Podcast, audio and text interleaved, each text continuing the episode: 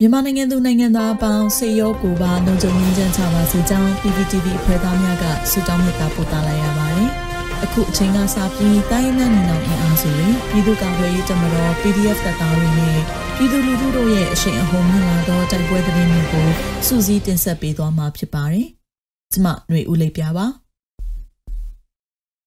ပထမဆုံးအနေနဲ့ KNU တပ်မဟာ9နယ်မြေတွင်ဒီဇင်ဘာလအတွင်းတိုက်ပွဲ226ကြိမ်ဖြစ်ပွားပြီးစစ်ကောင်စီဘက်မှတခွဲမှု၄ဦးအပါအဝင်135ဦးသေဆုံးက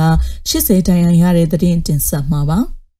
ကရင်မျိုးသားအစည်းအရုံး KNU တပ်မဟာ9နယ်မြေတွင်2021ခုနှစ်ဒီဇင်ဘာလအတွင်းအကြံဖက်စစ်ကောင်စီတပ်နဲ့ကရင်မျိုးသားလွတ်မြောက်ရေးတပ်မတော် KNL ကြားတိုက်ပွဲ226ကြိမ်ဖြစ်ပွားခဲ့ပြီးစစ်ကောင်စီတပ်မှ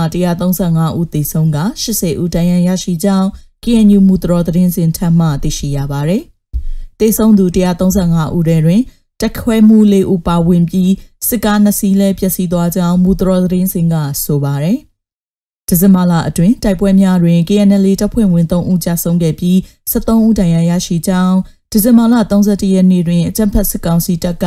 ပြည်နယ်ခြားဆောင်တပ်ဖွဲ့ဝင်တအုပ်ကိုပြစ်တက်လိုက်ကြောင်းမူတော်သတင်းစင်ကသတင်းထုတ်ပြန်ထားတာပါ။ ယနေ့ဒီဇင်ဘာလ၄ရက်နနက်ပိုင်းတွင်လည်း KNU တပ်မဟာ6နယ်မြေ၄ကီကော့ဒေသရှိကြေးရွာများသို့အကြမ်းဖက်စစ်ကောင်စီကလက်နက်ကြီးများဖြင့်ရန်တမ်းပစ်ခတ်နေကြောင်းသိရှိရပါသည်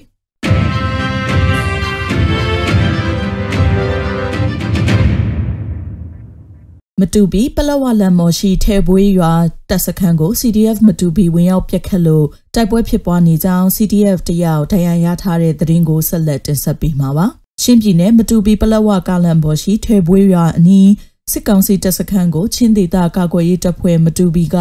ယနေ့ဇန်နဝါရီလ၄ရက်နနက်9:00နာရီကျော်ကစတင်ပြီးဝင်ရောက်ပစ်ခတ်နေလို့တိုက်ပွဲဖြစ်ပွားနေပြီးလက်ရှိတွင်တိုက်ပွဲဖြစ်ပွားဆဲဖြစ်ပြီး CDF တအူးတိုင်ရရရှိထားကြောင်း CDF မတူပီထံမှသတင်းရရှိပါရယ်။ဂျမနီတွင်လည်းအဆိုပါထဲပွေးရွာရှိစစ်ကောင်စီတပ်စခန်းကို CDF မတူပီကဝင်ရောက်တိုက်ခိုက်ခဲ့ပြီး စစ်သား5ဦးသေဆုံးသလို10ဦးခန့်ဒဏ်ရာရရှိကြောင်း CDF မတူပီကယမန်နေ့ကသတင်းထုတ်ပြန်ထားတာပါအလားတူယမန်နေ့ညနေပိုင်းတွင် မတူပီဟာခါလန်တွင်စစ်ကြောင်းချီလာသောစစ်ကောင်စီတပ်ဖွဲ့ကို CDF ကဖနိုင်နှင့်ငလိုက်ရွာကြားတွင်ဝင်ရောက်တိုက်ခိုက်ခဲ့ပြီးစစ်ကောင်စီတပ်သား2ဦးကိုအရှင်ဖမ်းမိခဲ့ပြီးလက်ရှိတွင်ထိန်းသိမ်းထားကြောင်း CDF မတူပီပြောခွင့်ရထပ်မသိရှိရပါတယ်ရှင်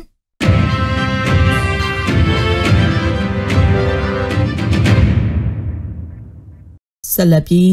ကြိုက်ထိုးစီအုံးချန်တချန်တွင်တဆွဲထားသောစစ်ကောင်စီတပ်ကိုနနက်အစောဝင်ပစ်ခါစစ်သား30ကျော်ထိခိုက်ဒေဆုံးနိုင်တဲ့တဲ့ရင်ကိုတင်ဆက်ပေးကြပါမယ်။မွန်ပြည်နယ်ကြိုက်ထိုးမြို့နယ်ရှိစီအုံးချန်တချန်တွင်တဆွဲထားသောစစ်ကောင်စီတပ်ကိုတော်လှန်ရေးတပ်ဖွဲ့တစ်ခုကဝင်ရောက်ပစ်ခတ်ရာ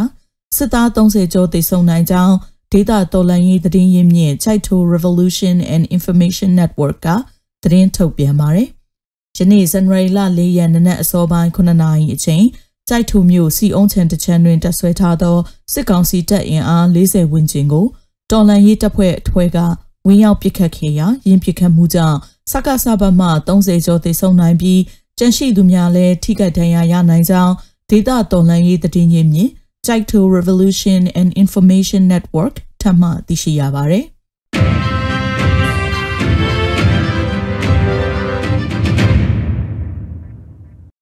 မုံရွာအထက်တွင်စစ်ကောင်စီတပ်ဖွဲ့ပရိသာမိုင်းဆွဲတိုက်ခိုက်ခံရပြီးစစ်သား၈ဦးသေဆုံးက12ဦးဒဏ်ရာပြင်းထန်တဲ့တဲ့ရင်တဆက်ပေးပါအောင်မယ်။စကိုင်းတိုင်းမုံရွာမြို့အထွတ်ညောင်ပင်ဆောက်နှင့်အမြင့်လန်းဆောင်တွင်ဇန်နဝါရီလ၄ရက်ယနေ့နနက်6နာရီခွဲ၌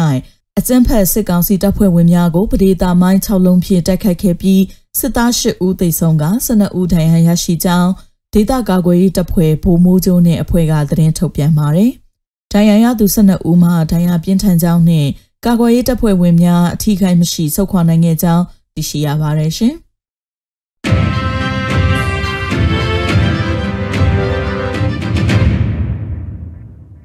နောက်ဆုံးအနေနဲ့အမျိုးသားညီညွတ်ရေးအစိုးရပြည်ထရေးနဲ့လူဝင်မှုကြီးကြပ်ရေးဝန်ကြီးဌာနက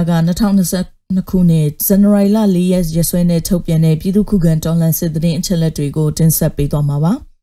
အာနာသိန်းအကြံဖက်စစ်အုပ်စု၏ပြည်သူလူထုအပေါ်အကြံဖက်ဖိနှိပ်ဖန်ဆီးတိုက်ခိုက်တပ်ဖြတ်နေမှုများကိုပြည်သူလူထုတရလုံးကအသက်ရှင်တန်ရေးအတွက်မိမိကိုယ်ကိုမိမိခုခံကာကွယ်ပိုင်ခွင့်အရာပြည်သူ့ခန့်စစ် People Defensive War ကိုဆင်နွှဲလျက်ရှိပါတယ်သတင်းချက်လက်များအရ3ရက်တလ2022ရက်နေ့တွင်စစ်ကောင်စီတပ်ဖွဲ့ဝင်48ဦးသေဆုံးပြီးထိခိုက်ဒဏ်ရာရရှိသူ20ဦးအထိခုခံတိုက်ခိုက်နိုင်ခဲ့ပါတယ်။စစ်အာဏာရှင်စနစ်မြန်မာမြေပေါ်မှာအပြည့်တိုင်းချုပ်ငြိမ်းရေးနဲ့ Federal Democracy တည်ဆောက်ရေးအတွက်ငြင်းချမ်းစွာဆန္ဒပြသည့်လူထုတပိတ်တိုက်ပွဲများကပြည်내နဲ့တိုင်းဒေသကြီးများမှာဖြစ်ပွားပေါ်ပေါက်လျက်ရှိပါတယ်။မြေပြင်မှာယခုတွေ့ရတဲ့သတင်းချက်လက်များထက်ပို၍ဖြစ်ပွားနိုင်ပါတယ်ရှင်။ရေတော်ဘုံအောင်ရမည်ရေတော်ဘုံအောင်ရမည်